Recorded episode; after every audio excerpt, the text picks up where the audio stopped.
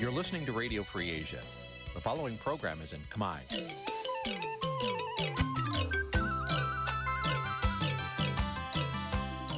Nǐ ជាកម្មវិធីផ្សាយ Vuthu Azizi Serai នេះជាកម្មវិធីផ្សាយរបស់ Vuthu Azizi Serai ជាភាសាខ្មែរ Vuthu Azizi Serai សូមស្វាគមន៍លោកអ្នកនាងទាំងអស់ពីរដ្ឋធានី Washington នៃសហរដ្ឋអាមេរិកចាប់ផ្សាយផ្ទាល់ពីរដ្ឋធានី Washington នាងខ្ញុំសកជីវីសូមជម្រាបសួរលោកអ្នកនាងកញ្ញាដែលកំពុងតាមដានការផ្សាយរបស់ Vuthu Azizi Serai ទាំងអស់ជាទីមេត្រីយើងខ្ញុំសូមជូនកម្មវិធីផ្សាយសម្រាប់យប់ថ្ងៃច័ន្ទចាប់7រោចខែអាសត់ឆ្នាំខាលចត្វាស័កពុរសករាជ2566ចាប់ត្រូវនៅថ្ងៃទី17ខែតុលាគ្រិស្តសករាជ2022ជាដំបូងនេះសូមអញ្ជើញលោកអ្នកនាងស្ដាប់ព័ត៌មានប្រចាំថ្ងៃដែលមានមេត្តាដូចតទៅ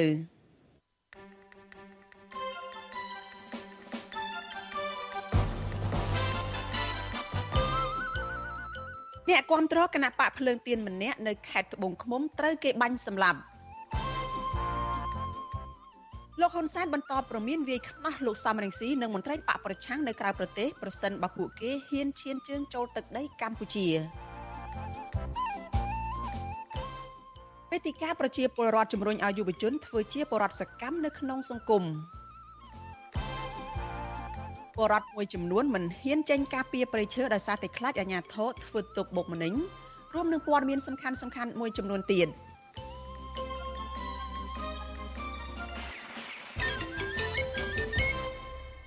តែជាបន្តទៅទៀតនេះនាងខ្ញុំសុជីវីសូមជូនព័ត៌មានទាំងនេះពិស្ដាចលនានេះជាទីមេត្រីចាលូនយមត្រីហ៊ុនសែនប្រកាសដាក់ផែនការតាមកម្ចាត់មេដឹកនាំគណៈបកប្រឆាំងគឺលោកសំរងស៊ីឲ្យចេញចាក់ឆ្ងាយពីឆាកនយោបាយឲ្យខាងតែបាន ហើយលោកក៏ប្រមានវាយខ្នោះលោកសំរងស៊ី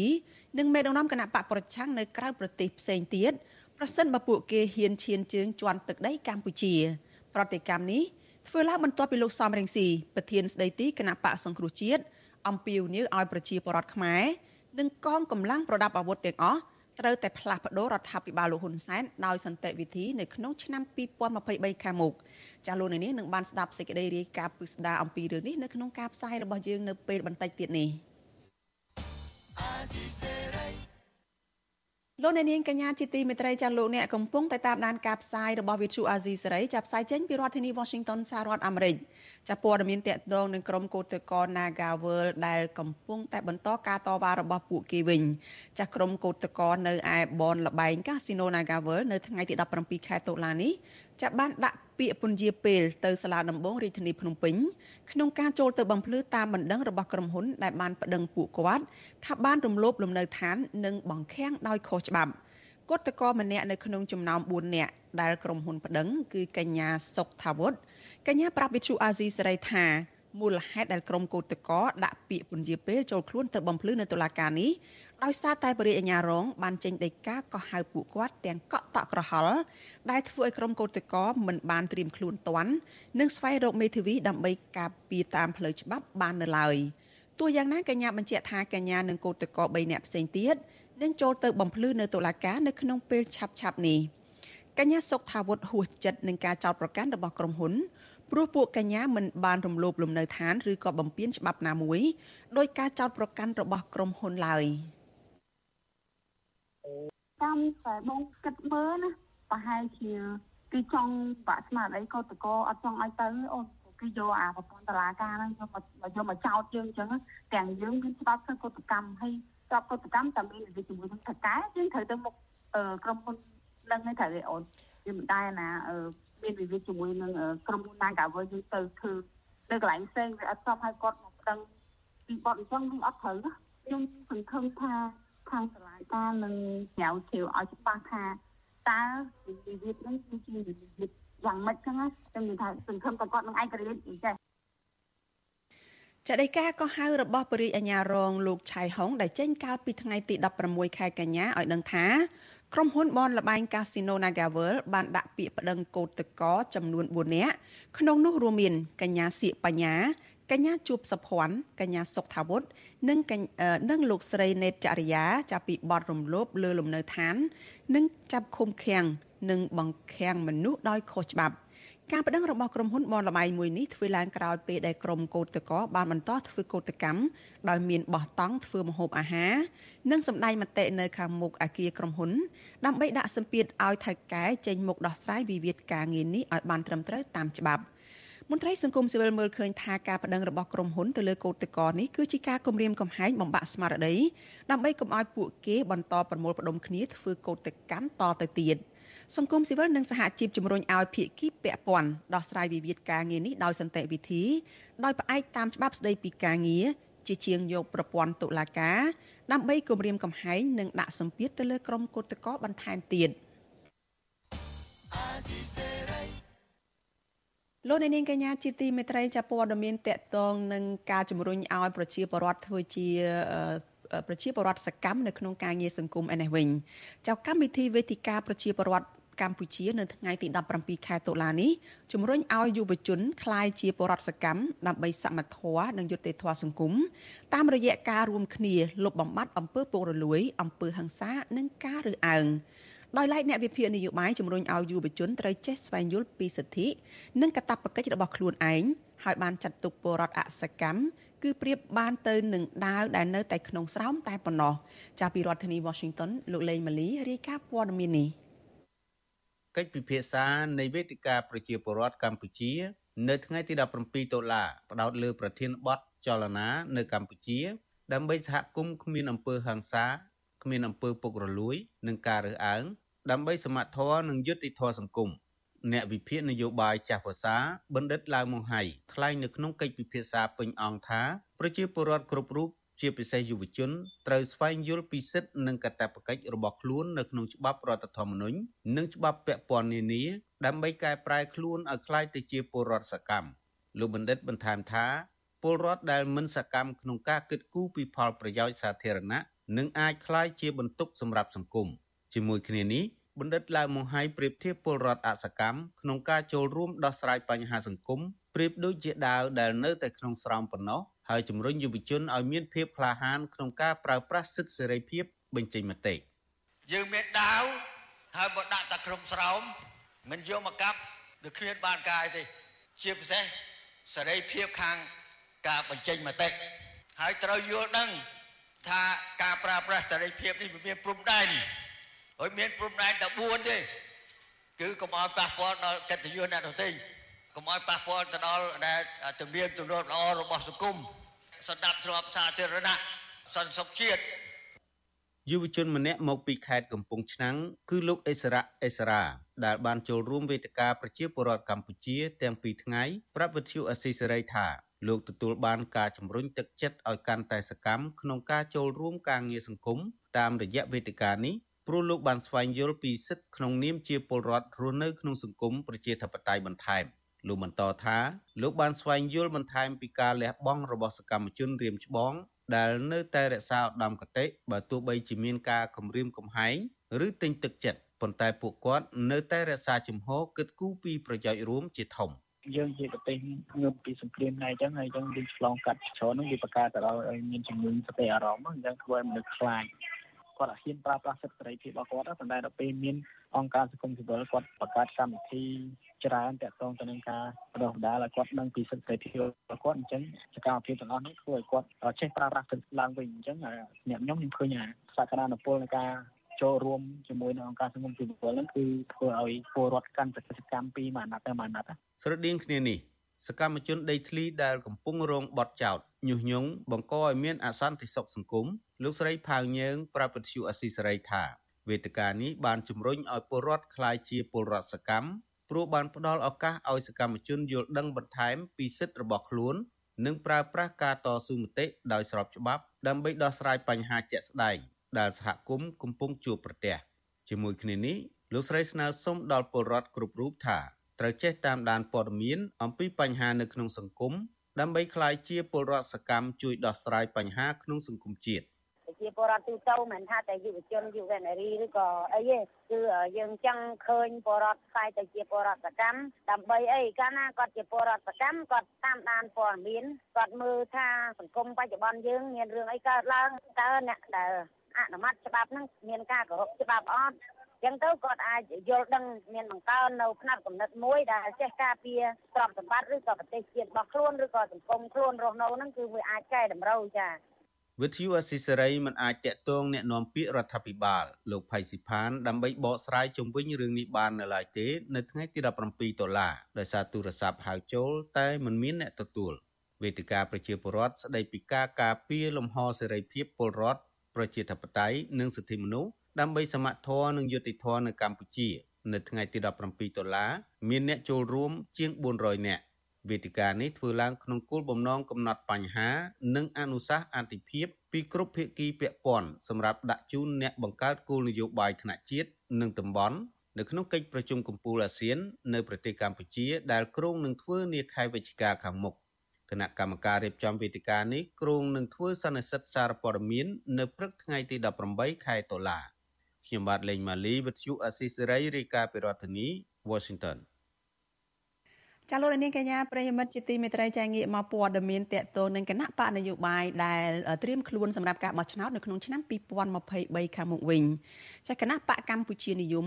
និងគណៈបកផ្នែករួបរวมជាតិបានប្រកាសចងសម្ព័ន្ធភាពជាមួយគ្នាកាលពីពេលថ្មីៗនេះដើម្បីបង្កើតគោលនយោបាយប្រជាធិបតេយ្យថ្មីមួយគឺគោលនយោបាយកណ្ដាលមិនប្រឆាំងរដ្ឋាភិបាល តើគោលនយោបាយប្រជាធិបតេយ្យថ្មីនេះមានអ្វីខ្លះហើយអាចនឹងទទួលបានជ័យជំនះលើលើការបោះឆ្នោតនៅក្នុងឆ្នាំ2023នោះដែរឬទេចាសសូមអញ្ជើញលោកនាងរងចាំទស្សនាបទសម្ភាសជុំវិញរឿងនេះជាមួយប្រធានគណៈបកកម្ពុជានិយមនៅក្នុងការផ្សាយរបស់យើងនៅពេលបន្តិចទៀតនេះចលនានាងកញ្ញាប្រិយមិត្តជាទីមេត្រីចារឿងដាច់ដោយឡែកមួយទៀតសមាគមគ្រូបង្រៀនកម្ពុជាឯករាជ្យនឹងចូលរួមសន្និសីទអន្តរជាតិរយៈ ពេល3ថ្ងៃចាចាប់ពីថ្ងៃទី18ដល់ថ្ងៃទីចាប់ពីថ្ងៃទី18ខែតុលានេះទៅនៅឯសន្តាគារសុខានៅក្នុងខេត្តសៀមរាបដែលនឹងមានសមាជិកជាអង្គការអប់រំអន្តរជាតិមកពី35ប្រទេសចូលរួមប្រធានបទនៃសន្និសីទអន្តរជាតិនេះផ្ដោតទៅលើការកសាងអាស៊ីប៉ាស៊ីហ្វិកឡើងវិញអ្នកអប់រំនិងសហជីពនៅជួរមុខឆ្ពោះទៅរកអនាគតប្រកបដោយនិរន្តរភាពនិរន្តរភាព ចាលោករងជនទីប្រឹក្សាសមាគមគ្រូបង្រៀនកម្ពុជាឯករាជ្យឲ្យដឹងថាក្នុងការរៀបចំសន្និសីទក្នុងការរៀបចំសន្និសីទអន្តរជាតិនេះ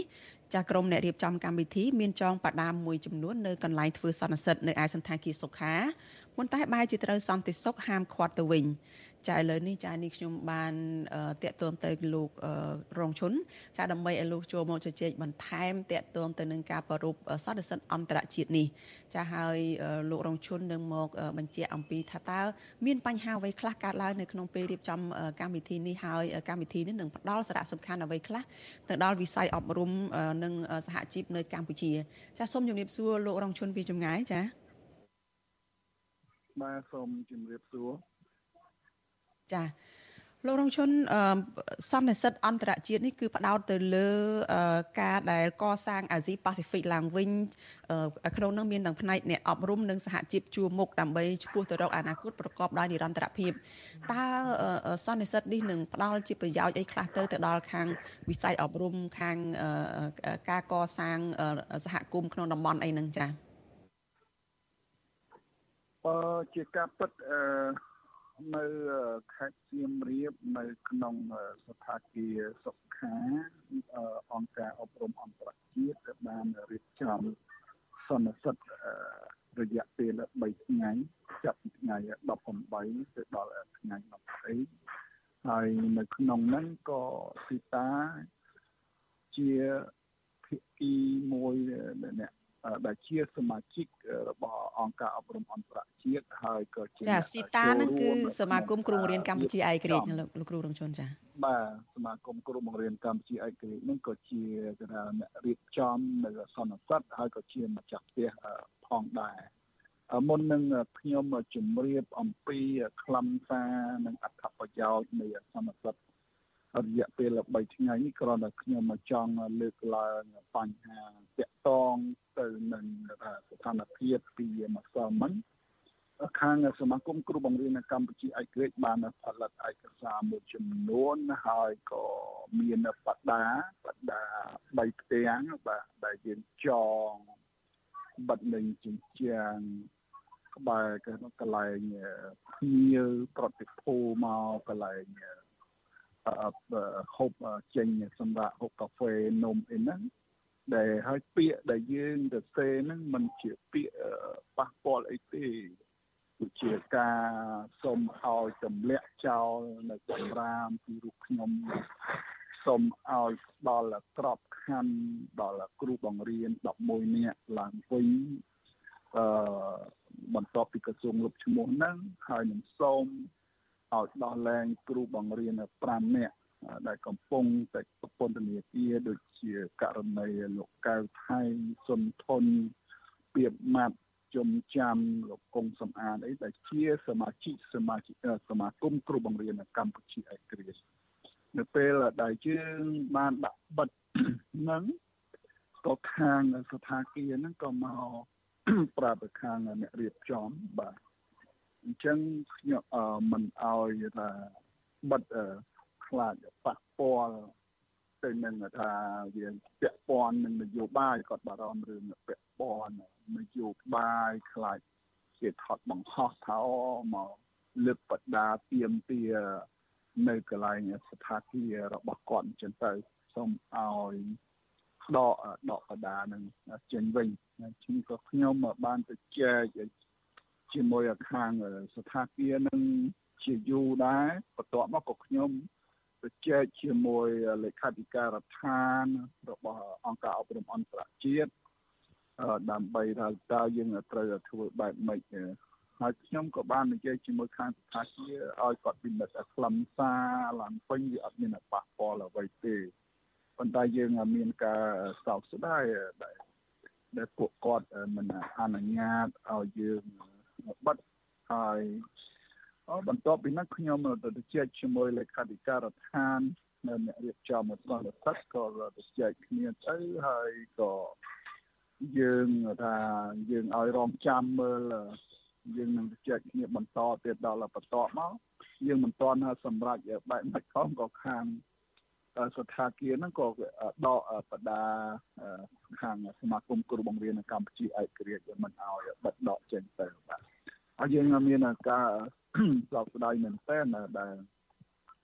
ដែលដកបដាដែលគ្មានវាមានផលប៉ះពាល់អីដល់ស្ថានភាពនេះទេហើយធ្វើបែបនេះយើងឃើញថាវាជាការប៉ះពាល់ទៅដល់ថាសេរីភាពក្នុងការសម្ដែងមតិតាមរយៈបដាតាមរយៈបដាតាមរយៈ speaker ហើយ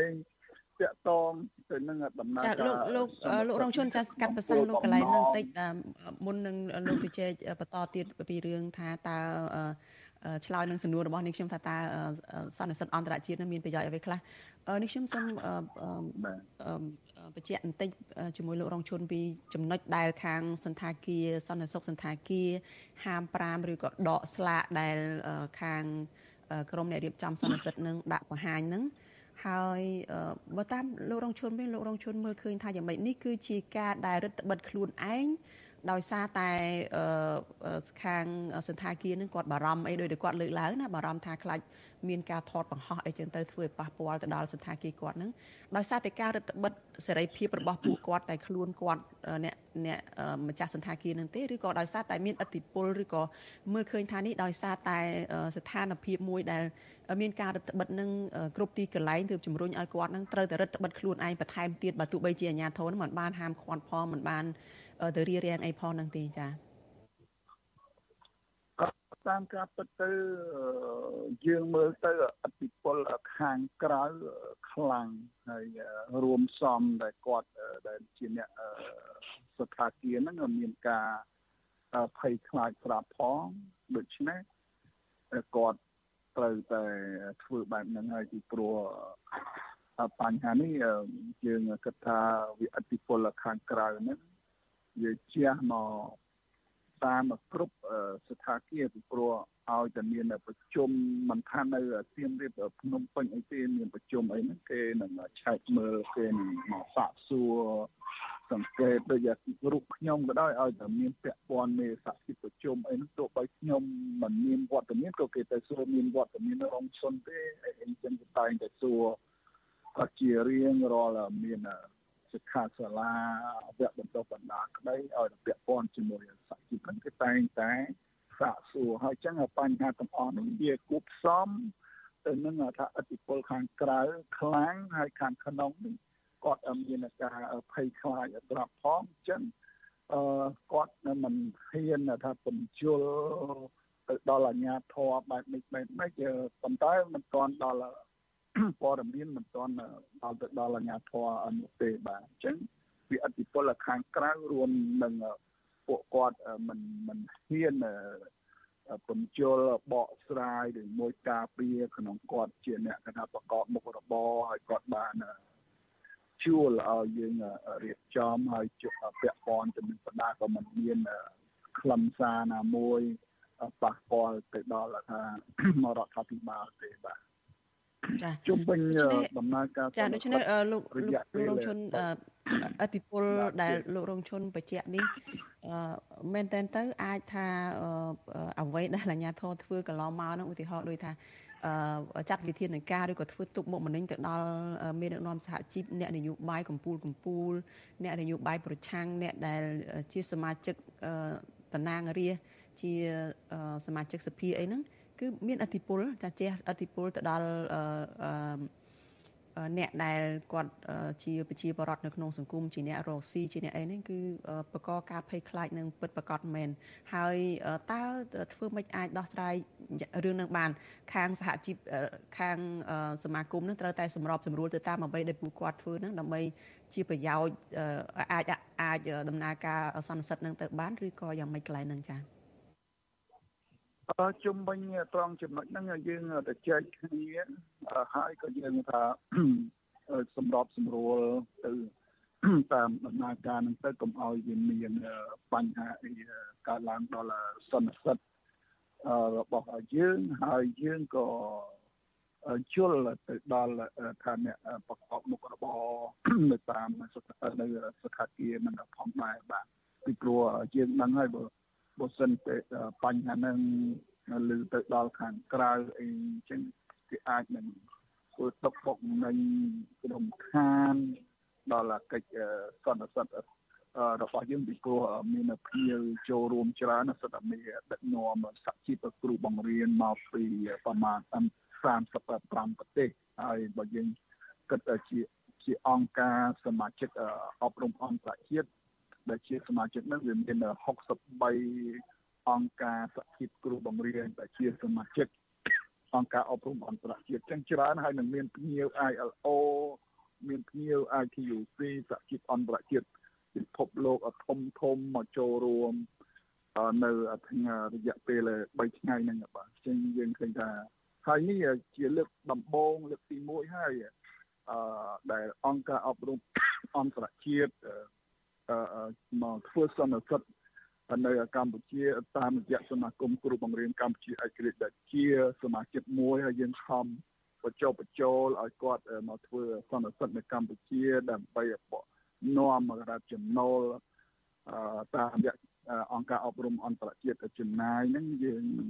ឬថាអ្នកដែលប្រកបរបរហ្នឹងនឹងទទួលបានចំណូលតាមរយៈនឹងផងដែរហើយក៏ជាប្រវត្តិសាស្ត្រហើយ សម្រាប់កម្ពុជាដែលអង្គការអប់រំអន្តរជាតិបានមកធ្វើសន្និសីទនៅកម្ពុជាថ្នាក់តំបន់ដែលដែលមានទំហំធំហើយសន្និសីទនេះមានសារៈសំខាន់ណាស់បាទពីព្រោះអឺផ្ដល់ឱកាសឲ្យមេសហជីពអឺដែលមានវត្តមាននឹងចែករំលែកព័ត៌មានគ្នាទៅវិញទៅមក ហើយនឹងរៀបចំគោលនយោបាយថាធ្វើធ្វើម៉េចដើម្បីពង្រឹងសហជីពគ្រូបង្រៀននៅក្នុងតំបន់អាស៊ីប៉ាស៊ីហ្វិកឡើងវិញឲ្យបានរឹងមាំឲ្យបានខ្លាំងក្លាហើយនៅក្នុងនៅក្នុងរយៈពេល3ថ្ងៃហ្នឹងខ្ញុំក៏ឡើងអឺឡើងធ្វើសំក្រកថាតាក់ទងទៅនឹងការគោរពសិទ្ធិមនុស្សអឺ និងលទ្ធិប្រជាធិបតេយ្យក៏ដូចជាសេរីភាពសហជីពនៅកម្ពុជាផងដែរបាទនៅក្នុងរយៈពេល3ថ្ងៃហ្នឹងហើយខ្ញុំគិតថាស្មារតីនៃសន្និសីទនៅកម្ពុជានេះនឹងចូលរួមជួយជំរុញឲ្យកម្ពុជាយើងឲ្យមានដឹកនាំកម្ពុជាដើរនៅលើកន្លងប្រជាធិបតេយ្យហើយនឹងផ្ដល់សេរីភាពដល់សហជីពក៏ដូចជាសមាគម ក៏ដូចជាប្រជាពលរដ្ឋនៅកម្ពុជាជាពិសេសក៏ជំរុញឲ្យគេថាមានការផ្លាស់ប្ដូរវិស័យអប់រំ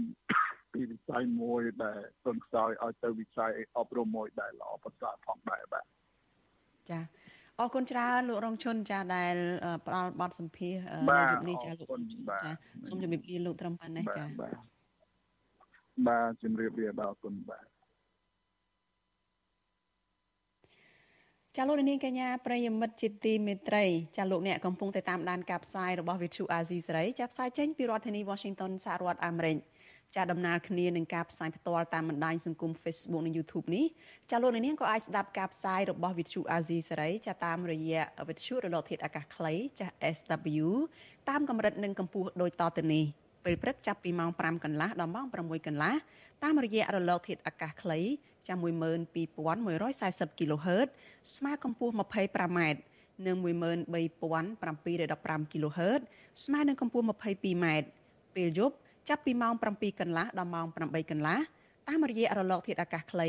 9960 kHz ស្មើកម្ពស់ 30m ចានឹង12140 kHz ស្មើកម្ពស់ 25m និង11100ចាំ11885 kHz ស្មើកម្ពស់ 25m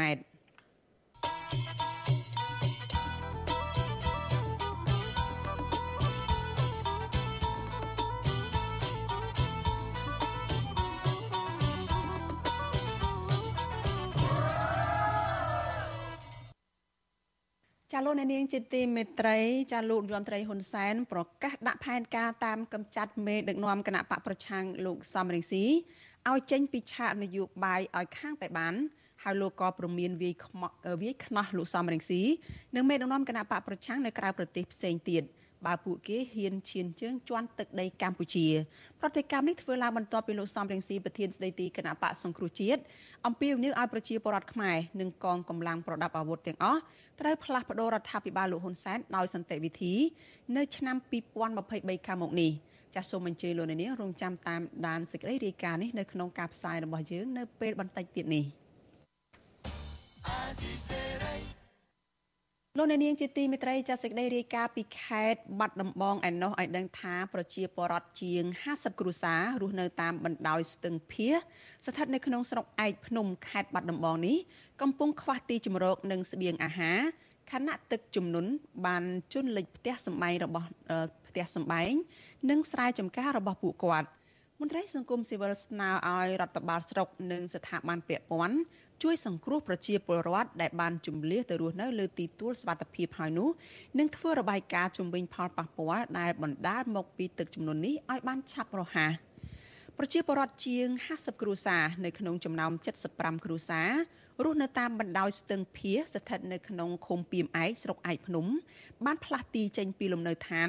នាំគ្នាទៅសង់ខ្ទមស្នាក់នៅបណ្ដោះអាសន្ននៅលើខ្នងអាងស្ទឹងភៀសផ្នែកខាងលិចបន្ទាប់ពីទឹកជំនន់បានលិចផ្ទះរបស់ពួកគាត់ប្រជាពលរដ្ឋរស់នៅតាមបណ្ដោយស្ទឹងភៀសនិងនៅគឺនៅក្នុងភូមិគោកដូងឃុំពីមឯកលោកសុតថនប្រាប់វិទ្យុអាស៊ីសេរីនៅថ្ងៃទី17ខែតុលាថាទឹកនៅក្នុងអាងភៀសបានហក់ឡើងខ្ពស់ធ្វើឲ្យជន់លិចផ្ទះពលរដ្ឋនៅតាមបណ្ដោយមាត់ស្ទឹងលោកថា ទឹកជំនន់បានពន្លិចផ្ទះរបស់លោកជិតកន្លះខែមកហើយដែលបង្ខំឲ្យរូបលោកទៅរកទីទួលសវត្ថភាពដោយសង់ខ្ទមប្រក់តង់កៅស៊ូនៅលើចិញ្ចើមផ្លូវលោកបន្តថាគ្រួសារលោកនិងពលរដ្ឋឯទៀតកំពុងខ្វះខាតម្ហូបអាហារថ្នាំសង្កូវហើយពេលនេះនៅមិនទាន់មានអាជ្ញាធរឬក៏អគ្គកមាតក្រហមចុះមកជួយនៅឡើយក្រៅតែពីក្រុមការងាររបស់គណៈបកប្រជាជនកម្ពុជា ដែលចុះមកបើកអង្គចំនួន15គីឡូក្រាម និងសម្ពុតកៅស៊ូមួយតែប៉ុណ្ណោះ។អូលំបាកណាស់លោកគ្រូដឹកជញ្ជូនសម្ភារៈមកក្រេស្អីយកមកធ្វើកន្លែងនៅបាំងវត្តកស៊ូនៅដៅអូវេទនាណាលិចទឹកបានប្រហែលជាជា6 7ថ្ងៃបានគេចាប់ផ្ដើមជួយយើង ជួយជាអង្គនឹងបាទអត់មានអីជួយអីធំដុំដូចជាវត្តកស៊ូវត្តអីក៏គាត់អត់មានជួយយើងដែរចាពលរដ្ឋម្នាក់ទៀតលោក ខុតខឿនឲ្យដឹងថារដ្ឋបាលឃុំនិងសប្បុរសជនមួយចំនួន បានផ្ដល់ស្បៀងឧបត្ថម្ភមានមុងភួយនិងថ្នាំសង្កូវបន្តិចបន្តួចទៅដល់ពួកគាត់តែយ៉ាងណាជំនួយទាំងនេះមិនបានផ្គត់ផ្គង់ការរស់នៅប្រចាំថ្ងៃនិងតម្រូវការប្រើប្រាស់ចាំបាច់នៅក្នុងអំឡុងពេលទឹកលិចនេះបាននៅឡើយទេលោកស្រីបន្តថាអាញាធរហាក់មានភាពយឺតយ៉ាវនិងខ្វះការទទួលខុសត្រូវនៅក្នុងការជួយសង្គ្រោះប្រជាពលរដ្ឋក្នុងនោះ មានប្រជាពលរដ្ឋខ្លះធ្លាក់ខ្លួនឈឺដោយសារតែខ្វះទឹកស្អាតទទួលទាននិងរបបអាហារមិនគ្រប់គ្រាន់ហើយពលរដ្ឋមួយចំនួនទៀតបានចាប់កណ្ដុរនិងដើររើសខ្យងដើម្បីលក់ដូរដោះស្រាយក្រពះខ្វះខាតជីវភាពក្រលោកគ្រូដែលមួយមួយឈឺពិសេសមិនសូវធូរធារបានក្តៅផងល្ងាផងទៅពេលយប់ល្ងាទៅទៅពេលក្តៅក្តៅដែរគ្រូបាក់រស់នៅដែរ ចាស់ទឹកជំនន់លិចផ្ទះប្រជាពលរដ្ឋនៅស្ទឹងភៀននេះបានអូសបន្លាយជិតកន្លះខែមកហើយប្រជាពលរដ្ឋបានបាត់បង់ទីជម្រកហើយនាំគ្នាទៅរស់នៅលើចិញ្ចើមផ្លូវផ្ទាល់ដីហើយពួកគាត់ក៏កំពុងប្រឈមនឹងបញ្ហាសុខភាពនិងការដាច់ស្បៀងអាហារជំវិញបញ្ហានេះអនុភូមិគោកដូងលោកខិនសៅថាលោកបានដឹងពីទឹកចំនួននេះដែលបណ្ដាលមកពីភ្លៀងច្រើននៅភូមិខាងលិចនៃខេត្ត ដែលធ្វើឲ្យទឹកអាងកំពីងពួយ និងអាងនៅក្នុងស្ទឹងអូតាគីកើនឡើង ហើយបានហូរចាក់ទៅកាន់អាងភៀសទាំងស្រុង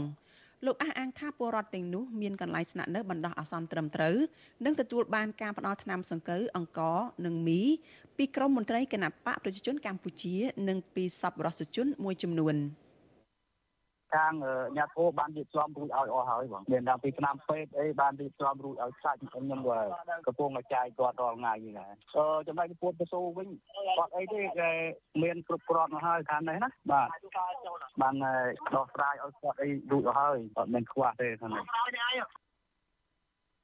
ចំណែកអ្នកសម្របសម្រួលផ្នែកឃ្លាំមើលការរំលោភសិទ្ធិមនុស្សនៃអង្គការលីកដូប្រចាំនៅខេត្តបាត់ដំបងគឺលោកអិនគង្ជិត លោកគាំទ្រចំពោះការផ្តល់ជំនួយឧបត្ថម្ភទៅដល់ពលរដ្ឋរងគ្រោះដោយទឹកជំនន់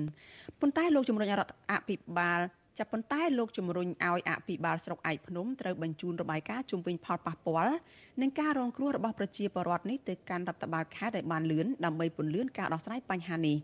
លោកបន្ថែមថាគណៈកម្មការគ្រប់គ្រងគ្រោះមហន្តរាយនិងកាកបាទក្រហមកម្ពុជា គួរតែផ្ដល់ការឧបត្ថម្ភដល់ពលរដ្ឋរងគ្រោះជាស្បៀងអាហារថ្នាំសង្កូវនិងសម្ភារៈប្រើប្រាស់ចាំបាច់ផ្សេងផ្សេងដើម្បីធានាដល់ការរស់នៅរបស់ពួកគាត់ទម្រាំទឹកស្រកទៅវិញ មន្ទីរធនធានទឹកខេត្តហ្នឹងក៏លោកត្រូវពិនិត្យមើលឲ្យបានដិតដល់ទៅលើការពន្លឿនបើកទ្វារទឹកដើម្បីឲ្យទឹកបានស្រកស្រត់លឿនហើយដើម្បីឲ្យពួកគាត់បានវិលត្រឡប់និងធ្វើស្រែឡើងវិញព្រោះពួកគាត់មានការខ្វះខាតបាទចាក្នុងរយៈពេល1ខែមកនេះខេត្តបាត់ដំបងប្រឈមនឹងបញ្ហាចំនួនទឹកភ្លៀងដែលបណ្ដាលមកពីកំណើនទឹកភ្លៀងនិងការបើកទំនប់ទឹកដែលបង្កផលប៉ះពាល់ដល់ប្រជាពលរដ្ឋរស់នៅតាមតំបន់ទំនាបនិងតំបន់ក្បែរបឹងទន្លេសាប ពលរដ្ឋភៀសច្រើនបង្ខំចិត្តផ្លាស់ទីទៅរកទីទួលមានសវត្ថភាពឬក៏ចងក្បូនបណ្ដែតនៅលើទឹកហើយពួកគេក៏កំពុងជួបបញ្ហាខ្វះខាតស្បៀងអាហារ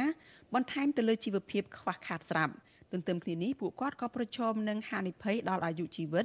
ដែលបណ្ដាលមកពីការលង់ទឹកជំងឺដង្កាត់និងសត្វអាសិរពិសផងដែរ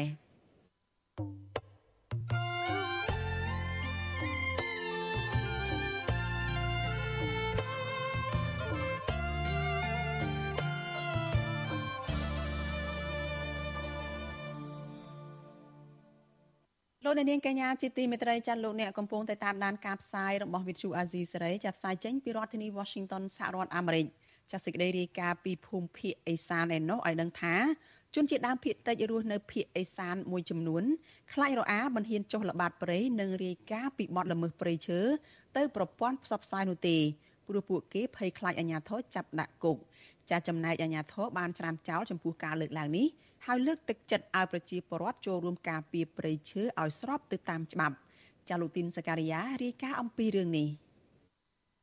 ជនជាតិដើមភាគតិចមួយចំនួនរស់នៅខេត្តរតនគិរីនិងខេត្តស្ទឹងត្រែងបានបោះបង់ការងារជាអ្នកការពារព្រៃឈើក្នុងសហគមន៍របស់ពួកគាត់ព្រោះបារម្ភពីសុវត្ថិភាពផ្ទាល់ខ្លួននិងក្រុមគ្រួសារការលើកឡើងនេះក្រោយពីអាជ្ញាធរតែងតែធ្វើទុកបុកម្នេញលើបរិវត្តណាដែលចេញមុខការពារព្រៃឈើនិងផ្ដល់ព័ត៌មានទៅប្រព័ន្ធផ្សព្វផ្សាយ ពីបទល្មើសព្រៃឈើក្នុងដែនសមត្ថកិច្ចរបស់ខ្លួនជនជាតិដើមភាគតិចតំពួនខេត្តរតនគិរីកលោកខំនិនប្រាប់វិទ្យុអសិរ័យនៅថ្ងៃទី17ដុល្លារថាព្រៃសហគមន៍ភូមិកែងសាន់មានផ្ទៃដីជាង4ហិកតាត្រូវកាប់រលាយអស់ស្ទើរទាំងស្រុងប៉ុន្តែមិនទាន់ឃើញអាជ្ញាធរចាប់ខ្លួនជនល្មើសនិងអ្នកពាក់ព័ន្ធមកផ្ដន្ទាទោសនៅឡើយទេលោកថាបែរជាចាប់ខ្លួនអ្នកការពារប្រៃឈើលោកឆនផល្លាដាក់គុកជាច្រើនខែមកហើយលោកចាត់ទុកទង្វើរបស់អាជ្ញាធរបែបនេះ ថាជាសញ្ញាមិនអោយតម្លៃលើបរិវត្តលះបង់ការពារប្រៃឈើ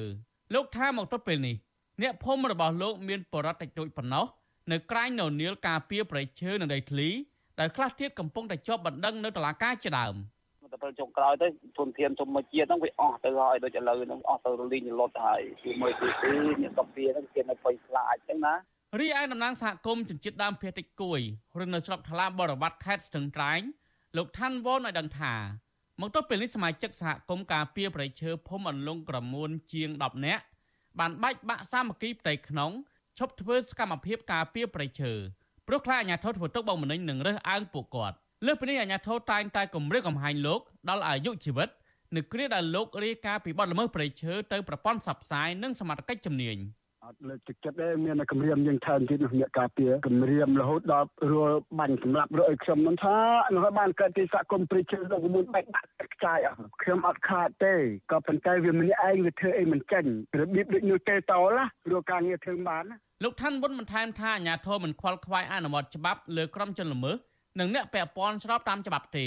គឺអាញាធរធ្វើបាបតែបរតណាដល់ឈឺឆ្អាលពីសកម្មភាពបំផ្លាញធនធានធម្មជាតិ លោកបន្តថាកន្លងទៅពួកលោកបានប្តឹងទៅអាជ្ញាធរភូមិឃុំនិងឈ្មោះពីបទរួមគំនិតផ្ដាល់ឲ្យជនល្មើសកាប់បំផ្លាញព្រៃឈើសហគមន៍បន្ទាប់ពីពលលោករកឃើញភ័ស្តុតាងពីសកម្មភាពកាប់បំផ្លាញព្រៃឈើសហគមន៍អស់រាប់រយហិកតាដែលបង្កឡើងដោយអ្នកមានលុយនិងមានអំណាចប៉ុន្តែមកទល់ពេលនេះអាជ្ញាធរមិនទាន់ចាត់វិធានការនៅឡើយ កាលពីថ្ងៃទី8កក្កដាសាលាដំបងខេត្តរតនគិរីបានផ្តន្ទាទោសកម្មជនការពារប្រៃឈើ3នាក់ឲ្យជាប់ពន្ធនាគារពី5ឆ្នាំទៅ6ឆ្នាំពីបទរួមគំនិតក្បត់ញុះញង់ឲ្យបរដ្ឋកាប់រុករានដីព្រៃធ្វើជាកម្មសិទ្ធិដោយក្នុងនោះសកម្មជនប្រៃឈើលោកស៊ីឋានញ៉ាន់និងលោកខំម៉ាសុកដាក់ពន្ធនាគារ5ឆ្នាំតែសម្រេចឲ្យនៅក្រៅឃុំចំណែកលោកឈនផល្លាវិញតឡាការកាត់ទោសឲ្យជាប់ពន្ធនាគារ6ឆ្នាំក្រោយពីសមត្ថកិច្ចបានចាប់ឃុំខ្លួនកាលពីថ្ងៃទី20កញ្ញាឆ្នាំ2021 ការប្តឹងផ្តល់នេះធ្វើឡើងក្រោយពីសកម្មជនប្រៃឈើរំនេះបានប្តឹងបរិហាអាញាធោពពាន់ឈ្មោះឈើនិងមន្ត្រីជំនាញទៅតុលាការខេត្តរតនគិរីចំនួន10សំណុំរឿងពីបទអនុគ្រោះបទល្មើសប្រៃឈើនិងមិនទប់ស្កាត់ការកាប់រៀនប្រៃឈើខុសច្បាប់ប៉ុន្តែតុលាការមិនបានចាប់វិធានការឡើយផ្ទុយទៅវិញលោកឈុនផល្លាបែរជាត្រូវអាញាធរមូលដ្ឋានព្រួតវាយដំលើរាងកាយបង្ខំឲ្យលោកដកបណ្ដឹង។ ឆ្លើយតបនឹងរឿងនេះអ្នកនាំពាក្យសាលាខេត្តរតនគិរីលោកនាងសំអាតប្រាប់វិទ្យុអសិរ័យថា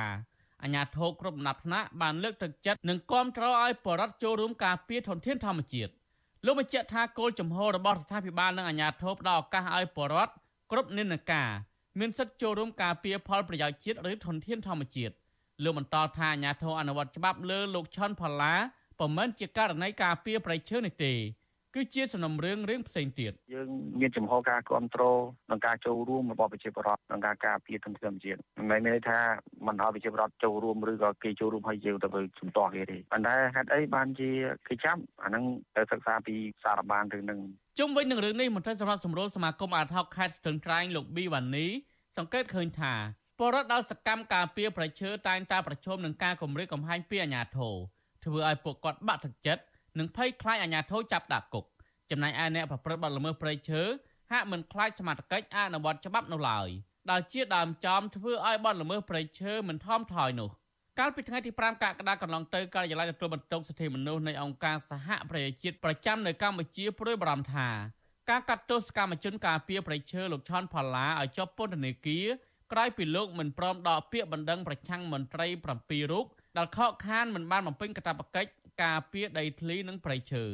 អង្គការសហប្រជាជាតិចាត់ទុករឿងនេះថាជាការបំផិតបំភ័យលើជនជាតិដើមភាគតិចនិងអ្នកការពារសិទ្ធិមនុស្សហើយបណ្ដឹងនេះជាការសង្សឹកដោយផ្ទាល់ចំពោះសកម្មភាពស្របច្បាប់និងសន្តិភាពរបស់សកម្មជនប្រៃឈើក្នុងការការពារប្រៃសហគមន៍របស់ពួកគេខ្ញុំធីនសាការីយ៉ាអស៊ីសេរីប្រធានីវ៉ាស៊ីនតោន ចាលោកនាងកញ្ញាជាទីមេត្រីចាតកតននឹងពលរដ្ឋដែលសកម្មនៅក្នុងការការពារធនធានធម្មជាតិព្រៃឈើនេះដែរចាក្រមស្នូក្រមស្នូលបណ្ដាញព្រៃឡង់នៅក្នុងខេត្តស្ទឹងត្រែងម្នាក់ដែលក្លាហានការពារព្រៃឈើនៅតំបន់ព្រៃឡង់គឺលោកគង្រីលោកខកខានមិនបានចូលរួមល្បាតព្រៃអស់ជាច្រើនខែមកហើយដោយសារតែមានជំងឺធ្ងន់និងកំពុងសម្រាកព្យាបាល ក្រុមគ្រួសារលោកឲ្យដឹងថាបច្ចុប្បន្ននេះស្ថានភាពជំងឺរបស់សកម្មជនព្រៃឡង់រូបនេះគឺទ្រុឌទ្រោមខ្លាំងដោយលោកកើតជំងឺមហារីកក្រពះសាច់ដុះនៅក្នុងបំពង់កនិងថ្លើមចាប់ប្រពន្ធរបស់លោកគង្រីគឺលោកស្រីអេងសុផលប្រាប់វិទ្យុអាស៊ីសេរីនៅថ្ងៃទី17ខែតុលាថាប្តីរបស់លោកស្រីធ្លាក់ខ្លួនឈឺជាង4ខែមកហើយហើយលោកស្រីបានលក់ទ្រព្យសម្បត្តិអស់ជាបន្តបន្ទាប់ចាស់ដូចជាលក់ដីស្រែនិងម៉ូតូជាដើម ដើម្បីព្យាបាលជំងឺប្តីប៉ុន្តែនៅមិនទាន់បានធូរស្រាលនៅឡើយទេ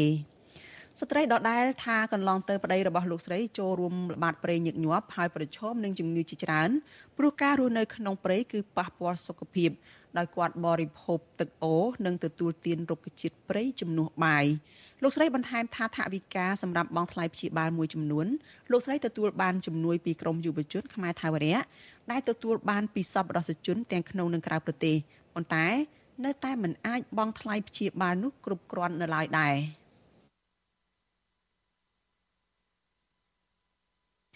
ចាលោកនាងកញ្ញាជាទីមេត្រីចាមកដល់ពេលនេះគឺនៅមិនដល់ពេលជាង3សប្តាហ៍ទៀតទេដែលកម្ពុជានឹងរៀបចំដឹកនាំកិច្ចប្រជុំកំពូលអាស៊ានលើកទី40និង41ដែលចាប់ផ្ដើមពីថ្ងៃទី8ដល់ថ្ងៃទី13ខែវិច្ឆិកាខាងមុខនេះកិច្ចប្រជុំកំពូលអាស៊ាននេះអាចនឹងមានមេដឹកនាំប្រទេសនិងស្ថាប័នធំៗនៅលើពិភពលោកចំនួន25រូបមកចូលរួមក្នុងនោះក៏អាចមានវត្តមានរបស់ប្រធានាធិបតីអាមេរិកលោកโจ Biden ផងដែរ។ តើកម្ពុជាគួរធ្វើយ៉ាងណាខ្លះដើម្បីទាញយកប្រយោជន៍ពីកិច្ចប្រជុំកំពូលអាស៊ាននេះនិងបញ្ជាកុំឲ្យមានការរិះគន់ដោយកាលពីពេលកន្លងទៅចានេះគឺជាប្រធានបទដែលយើងនឹងលើកមកពិភាក្សានៅក្នុងវេទិកានៃស្ដាប់វិទ្យុអាស៊ីសេរីនៅយប់ថ្ងៃអង្គារទី18ខែតុលាស្អែកនេះចាប្រសិនបើលោកអ្នកនាងមានចម្ងល់ឬចង់បញ្ចេញមតិយោបល់ ចាលោកអ្នកនាងអាចដាក់លេខទូរស័ព្ទរបស់លោកអ្នកនាងនៅក្នុងខ្ទង់ comment របស់ Facebook និង YouTube របស់ Vithu Azizi Saray ចាក្រុមការងាររបស់យើងនឹងហៅទៅលោកអ្នកនាងវិញដើម្បីផ្ដល់ឱកាសឲ្យលោកអ្នកនាងបានសួរវាគ្មិនរបស់យើងឬក៏បញ្ចេញមតិយោបល់នៅក្នុងមន្ទីរវេទិកាអ្នកស្ដាប់ Vithu Azizi Saray នៅយប់ថ្ងៃអង្គារស្អែកនេះចាសូមអញ្ជើញលោកអ្នកនាងរងចាំតាមដានវេទិកាអ្នកស្ដាប់ Vithu Azizi Saray នៅយប់ថ្ងៃស្អែកនេះកុំបីខាន។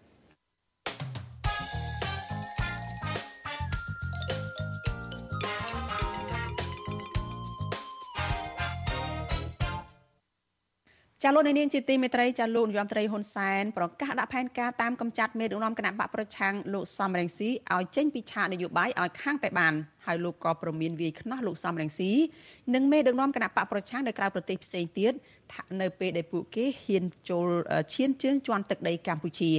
ប្រតិកម្មនេះធ្វើឡើងបន្ទាប់ពីលោកសំរងស៊ីប្រធានស្ដីទីគណៈបកសង្គ្រោះជាតិអំពាវនាវឲ្យប្រជាពលរដ្ឋខ្មែរនិងកងកម្លាំងប្រដាប់អាវុធទាំងអស់ត្រូវផ្លាស់ប្តូររដ្ឋាភិបាលលោកហ៊ុនសែនដោយសន្តិវិធី នៅក្នុងឆ្នាំ2023ខាងមុខនេះចាលោកថាថៃរាយការណ៍ព័ត៌មាននេះ ថ្លែងក្នុងពិធីចែកសញ្ញាបត្រឲ្យនិស្សិតនៅសាកលវិទ្យាល័យមួយនៅរាជធានីភ្នំពេញនៅថ្ងៃទី17ខែតុលាលោកនាយករដ្ឋមន្ត្រីហ៊ុនសែនខឹងសម្បាជាខ្លាំងនិងប្រធានស្ដីទីគណៈបកសង្គ្រោះជាតិលោកសំរងស៊ីដែលបានអំពាវនាវឲ្យមានការផ្លាស់ប្តូររដ្ឋាភិបាលលោកហ៊ុនសែននៅឆ្នាំ2023លោកហ៊ុនសែនចាត់ទុកសារនោះថាជាមនោគមវិជ្ជាជ្រុលនិយមហើយលោកប្រកាសដាក់ផែនការតាមកំចាត់ជាដាច់ខាតចំណែកគណៈបកនយោបាយណាដែលជាប់ពាក់ព័ន្ធជាមួយលោកសំរងស៊ីវិញ លោកក៏ប្រមានប្តឹងទៅតុលាការរំលាយចោលដោយគណៈបកសង្គ្រោះជាតិកាលពីឆ្នាំ2017ដែរលើពីនេះលោកថែមទាំងប្រមានចាត់វិធានការលើប្រជាពលរដ្ឋនៅក្នុងស្រុករូបណា ដែលហ៊ានងើបប្រឆាំងរដ្ឋាភិបាលរបស់លោកទៀតផងហ៊ុនសែននឹងបដូរផ្ដាច់កំចាត់ចោលនៅមនោគមវិជ្ជានៃពូជអាក្បត់ជាតិ3ចំណត់ឥឡូវជិតដល់ខួបលើកទី20នៃការដែលណែដាក់ចេញអត់ស៊ីមានស៊ីអត់សែនមានសែនអត់ស៊ីហើយព្រោះ ចាប់ផ្ដើមពី2003ណែដាក់ចេញគោលនយោបាយនឹងឥឡូវខ្ញុំក៏ទទួលអនុវត្តគោលនយោបាយនឹងដូចគ្នាតែខ្ញុំមិនសម្រាប់ណែទេទន្ទឹមនឹងនេះលោកហ៊ុនសែនថែមទាំងនិយាយបំភ្លៃថាកន្លងមកលោកមិនដាល់ហាមឃាត់ក្រុមហ៊ុនយន្តហោះដឹកលោកសំរងស៊ីត្រឡប់មកកម្ពុជានោះទេក៏ប៉ុន្តែលោកចង់ឲ្យមេដឹកនាំបកប្រឆាំងលោកសំរងស៊ីចូលមកក្នុងស្រុកឲ្យបានឆាប់ដើម្បីវាយខ្នោះចាប់បញ្ជូនចូលគុកលោកហ៊ុនសែនក៏បញ្ជាក់ចំហជាថ្មីថាលោកមិនស្នើទៅព្រះមហាក្សត្រ ដើម្បីលើកលែងទោសដល់លោកសំរងស៊ីឡើយរួចថាខ្ញុំទៅហាមឃាត់អីណាជាមួយនឹងយន្តហោះបរទេសមិនឲ្យដឹកខ្ញុំសូមបញ្ជាក់ថាខ្ញុំមិនដែលបានហាមឃាត់ទេណាណាចង់ដឹកអីដឹកទៅដឹកមកសូមអញ្ជើញដឹកមកគេថាឲ្យលោកហ៊ុនសែនដកសម្រាប់ខ្ញុំមានតែបញ្ជាឲ្យណាប៉ុន្តែអ្វីដែលខ្ញុំបញ្ជាក់គឺតែប៉ុណ្ណេះទេមកដល់ស្វាគមន៍ដោយខ្នោះតែប៉ុណ្ណឹងទេព្រោះគុក ទោសអ្នកឯងប្រហែលទៅអត់រួចគ្រោះទេអពើប្រតិកម្មរបស់លោកហ៊ុនសែននេះធ្វើឡើងបន្ទាប់ពីលោកសំរងស៊ីកាលពីយប់ថ្ងៃទី16ខែតុលាបានបង្ហោះវីដេអូលើទំព័រ Facebook របស់លោកដោយចាត់ទុកព្រឹត្តិការណ៍បោះឆ្នោតជ្រើសតាំងតំណាងរាស្ត្រអាណត្តិទី7និងផែនការផ្ទេរអំណាចតវងត្រកូលរបស់លោកហ៊ុនសែនទៅឲ្យកូនប្រុសច្បងគឺលោកហ៊ុនម៉ាណែតនៅឆ្នាំ2023ខាងមុខគឺជាព្រឹត្តិការណ៍ដ៏សំខាន់ដែលប្រជាពលរដ្ឋខ្មែរកងកម្លាំងប្រដាប់អាវុធ ជំរុញឲ្យមានការផ្លាស់ប្តូរដោយសន្តិវិធីលោកសំរងស៊ីប្រកាសក្នុងវីដេអូរយៈពេល5នាទីថាលោកនឹងវិលត្រឡប់ទៅប្រទេសកម្ពុជាសាជាថ្មីនៅឆ្នាំ2023ដើម្បីចូលរួមជំរុញឲ្យមានការផ្លាស់ប្តូរជាមួយប្រជាពលរដ្ឋខ្មែរ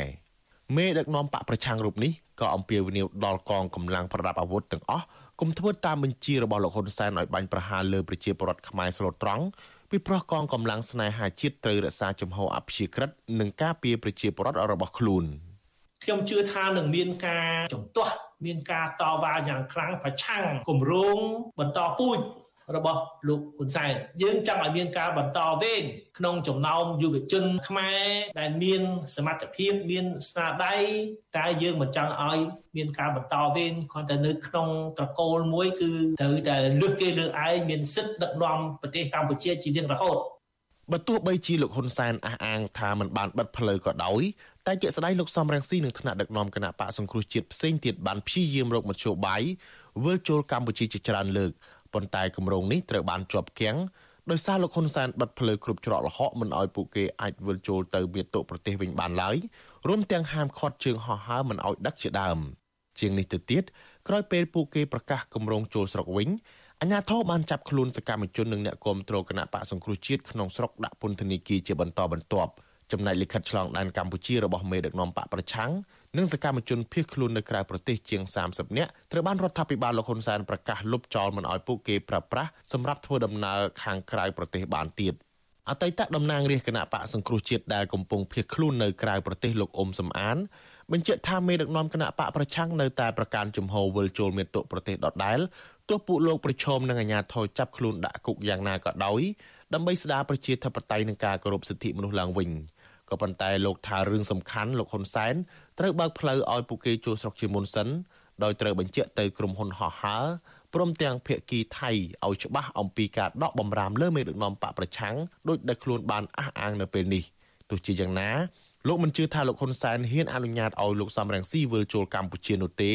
ពីព្រោះលោកហ៊ុនសែនភ័យខ្លាចចាញ់ការបោះឆ្នោតនិងបារម្ភពីផែនការផ្ទេរអំណាចតពូជនៅពេលខាងមុខ បសង្គមជាតិនៅតែបដិញ្ញាចិត្តចូលទៅប្រទេសកម្ពុជាវិញដដែលឲ្យតែមានការបើកឡូវពីលោកហ៊ុនសែនកុំដោយលោកហ៊ុនសែនគាត់និយាយបានតែមាត់ណាក៏ប៉ុន្តែការពិតជាស្ដែងគាត់មិនហ៊ានបើកផ្លូវឲ្យលោកសំរងស៊ីហើយនឹងថ្នាក់ដឹកនាំគណៈបសង្គមជាតិធ្វើត្រឡប់ចូលទៅកម្ពុជាវិញនោះទេយើងឃើញកន្លងមកណាដូច្នេះក៏លោកហ៊ុនសែននឹងនិយាយនឹងសុំចេញជាលាលៈអសរពិតប្រកបមកក៏និយាយតែមាត់ចឹងដល់ចឹងនិយាយតែមាត់ចឹងមិនយកជាការបានទេ អគ្គលេខាធិការសហព័ន្ធនិស្សិតបញ្ញវន្តកម្ពុជាលោកគៀនពន្លកមើលឃើញថាសារឆ្លើយឆ្លងរបស់មេដឹកនាំធំធំទាំងពីរនេះមិនបានផ្ដល់ដំណោះស្រាយនយោបាយនោះទេ តែសារឌឺដងដាក់គ្នាបែបនេះគឺកាន់តែបង្ហាញពីការបែកបាក់ជាតិលោកយល់ថាមេដឹកនាំគណៈបកកណ្ដាលអំណាចនិងមេដឹកនាំគណៈបកប្រឆាំងលមុំដល់ពេលជួលតុកចរចាផ្នែកនយោបាយហើយប្រគល់ប្រជែងគ្នាតាមរយៈការបោះឆ្នោតដោយសេរីត្រឹមត្រូវនិងយុត្តិធម៌ ដើម្បីដោះស្រាយបញ្ហាជាតិដែលកំពុងរងទណ្ឌកម្មនានាពីសហគមន៍អន្តរជាតិ ចង់ឃើញអ្នកនយោបាយតែសុទ្ធតែជាអ្នកនយោបាយចាស់ទុំផ្នែកនយោបាយចូលតុកចរចាដើម្បីបង្ហាញប្រាប់អន្តរជាតិថាខ្មែរយើងគឺមិនបាច់ពឹងបរទេសទេក៏ប៉ុន្តែខ្មែរយើងអាចសម្រោះសម្រួលគ្នាបានបង្រួបបង្រួមជាតិបានផ្សះផ្សាជាតិបានខ្ញុំមិនចង់ឃើញអ្នកនយោបាយដែលប្រើបាទសម្ដីហិង្សាដាក់គ្នាទៅវិញទៅមកព្រោះអីភាសាដែលអ្នកនយោបាយប្រើនៅពេលនេះជាពិសេសលោកនាយករដ្ឋមន្ត្រីហ៊ុនសែនមិនមែនជាគំរូល្អសម្រាប់យុវជនចំនួនក្រោយទេ រដ្ឋាភិបាលរបស់លោកហ៊ុនសែនបានរំលាយគណៈបកសង្គ្រោះជាតិដែលមានអ្នកគាំទ្រជិតពាក់កណ្ដាលប្រទេសកាលពីចុងឆ្នាំ2017រួចរៀបចំការបោះឆ្នោតដែលគេចាត់ទុកថាជាការបោះឆ្នោតបង្ក្រប់កិច្ចនោះបានប្រមូលយកអាសនៈសភាទាំងស្រុងមកកាន់កាប់តែម្នាក់ឯងក្រមការដឹកនាំរបស់លោកនេះបានបំបិទសិទ្ធិថ្នាក់ដឹកនាំគណៈបកប្រឆាំងចំនួន118នាក់មិនឲ្យធ្វើនយោបាយរយៈពេល5ឆ្នាំនិងដកហូតយកអាសនៈពីថ្នាក់មូលដ្ឋានរហូតដល់ថ្នាក់ជាតិរបស់គណៈបកសង្គ្រោះជាតិទៅចែកគ្នាកាន់កាប់ មកដល់ពេលនេះថ្នាក់ដឹកនាំនិងសកម្មជនគណៈបកសង្គ្រោះជាតិជាច្រើនរូបកំពុងជាប់បណ្ដឹងនៅតុលាការក្រមបទចោតរួមគំនិតក្បត់ញុះញង់ឲ្យយោធិនមិនស្ដាប់បង្គាប់និងញុះញង់ឲ្យមានភាពវឹកវរធ្ងន់ធ្ងរដល់សន្តិសុខសង្គមជាដើមក្នុងនោះមួយចំនួនកំពុងជាប់ឃុំក្នុងពន្ធនាគារនិងមួយចំនួនទៀតភៀសខ្លួននៅក្រៅប្រទេសទង្វើរបស់រដ្ឋាភិបាលលោកហ៊ុនសែនពាក់ព័ន្ធនឹងការរំលោភសិទ្ធិមនុស្សនិងលទ្ធិប្រជាធិបតេយ្យនេះត្រូវបានសហគមន៍ជាតិនិងអន្តរជាតិថ្កោលទោស និងដាក់ទណ្ឌកម្មជាបន្តបន្ទាប់ដែលនាំឲ្យប៉ះពាល់ដល់ប្រយោជន៍ជាតិនិងប្រជាពលរដ្ឋខ្ញុំថាថៃពីរដ្ឋធានី Washington ចាលោកនាងជាទីមេត្រីចាគណៈបកកម្ពុជានិយមនិងគណៈបកផ្នែករួមរួមជាតិបានប្រកាសចងសម្ព័ន្ធភាពជាមួយគ្នាកាលពីពេលថ្មីថ្មីនេះដើម្បីបង្កើតគោលនយោបាយប្រជាធិបតេយ្យថ្មីមួយគឺគោលនយោបាយកណ្ដាលមិនប្រឆាំងនឹងរដ្ឋាភិបាលតើគោលនយោបាយប្រជាធិបតេយ្យថ្មីនេះមានអ្វីខ្លះ ហើយអាចនឹងទទួលបានជ័យជំនះលើការបោះឆ្នោតនៅក្នុងឆ្នាំ2023ខាងមុខដែរឬទេចាសសូមអញ្ជើញលោកអ្នកនាងរងចាំទស្សនាបទសម្ភាសន៍ជុំវិញរឿងនេះជាមួយប្រធានគណៈបកកម្ពុជានិយមនៅពេលបន្តិចទៀតនេះចលនានាងជាទីមេត្រីព័ត៌មានតកតងនឹងអ្នកគាំទ្រគណៈបកភ្លើងទៀននៅឯខេត្តត្បូងឃ្មុំហើយត្រូវគេបាញ់សម្លាប់ឯនេះវិញចាអ្នកគាំទ្រគណៈបកភ្លើងទៀនម្នាក់នៅខេត្តត្បូងឃ្មុំត្រូវគេបាញ់សម្លាប់ ចាជនរងគ្រោះមានឈ្មោះប៉ូហ៊ីនលៀនចាប់ភេទប្រុសអាយុ49ឆ្នាំ ជាអ្នកភូមិព្រីងឃុំចកស្រុកអូរ៉ែងឪចាជនរងគ្រោះមានប្រពន្ធនិងកូន3នាក់នៅក្នុងបន្ទុកប្រពន្ធជនរងគ្រោះគឺលោកស្រីវេនគឹមយីប្រាប់វិទ្យុអាស៊ីសេរីនៅល្ងាចថ្ងៃទី17ខែតុលាថាប្តីរបស់លោកស្រីត្រូវគេបាញ់ចំនួន3គ្រាប់ពីក្រោយខ្នង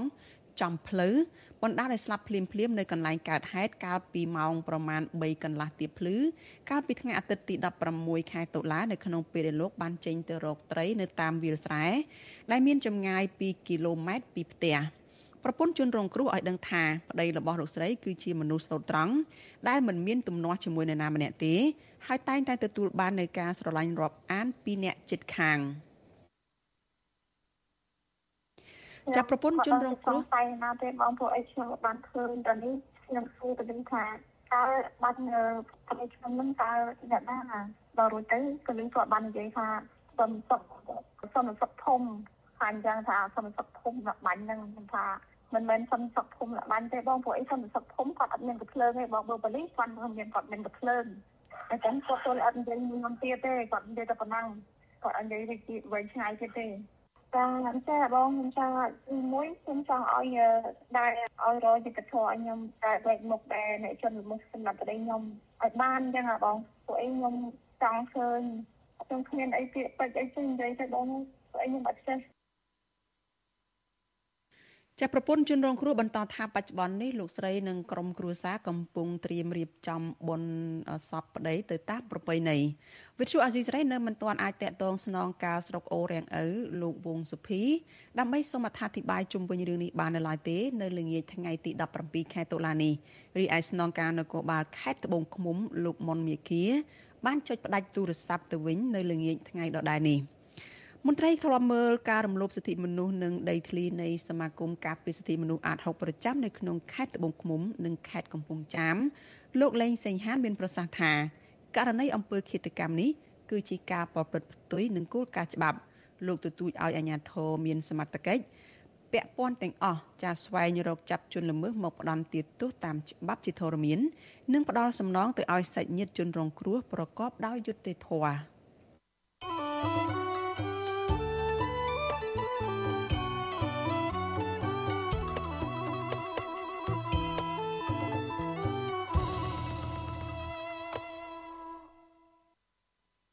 ចាលោកនាងកញ្ញាប្រិយមិត្តជាទីមេត្រីចាព័ត៌មាន